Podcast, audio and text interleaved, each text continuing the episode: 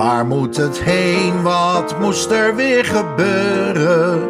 Een vredemoord in een publieke trein.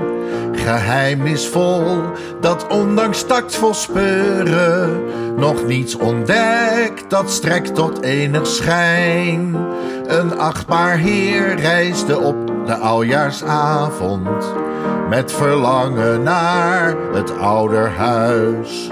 Om met nieuwjaar bij ouders vriend in kluis ook zijn verjaardag blij te vieren thuis.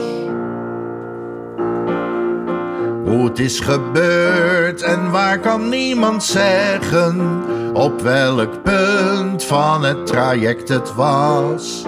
Men vond hem lang uit in het coupé te leggen, alsof hij sliep daar in de eerste klas.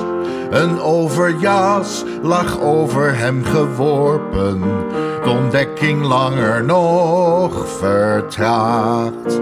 Men vond hem zo aan station te Den Haag, door een kruier die ieders dienst daar vraagt.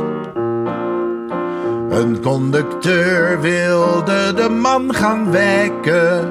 Hij meende dat meneer al daar nog sliep. En ging op het laatst zijn overjas ontdekken. Toen eerst zag hij wat er daar was geschied. Drie kogels waren op hem afgeschoten. De dood was daar het gevolg van. Een plas met bloed toen men het lijk opnam. Tot ieder schrik die het al daar vernam.